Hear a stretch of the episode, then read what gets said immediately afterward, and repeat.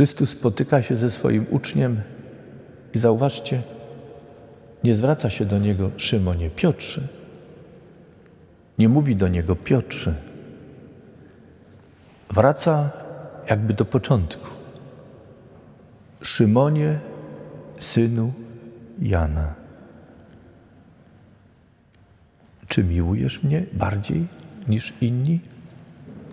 Czy jesteś gotów stanąć przed wszystkimi pierwszym szeregu i szczerze, uczciwie powiedzieć, że mnie miłujesz?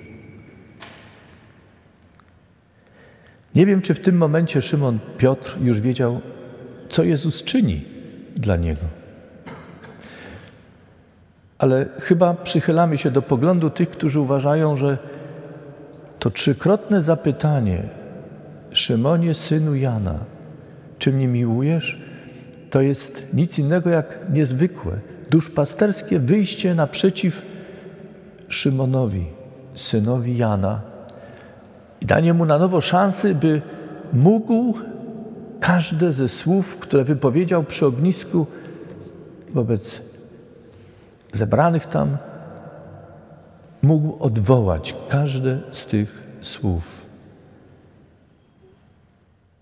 Nie po to, by Jezus miał pewność Szymona Piotra, ale by Szymon Piotr miał pewność, że Jezus wie wszystko, co się stało przy ognisku. O wszystkim wie. I daje mu na nowo szansę, by mógł wrócić.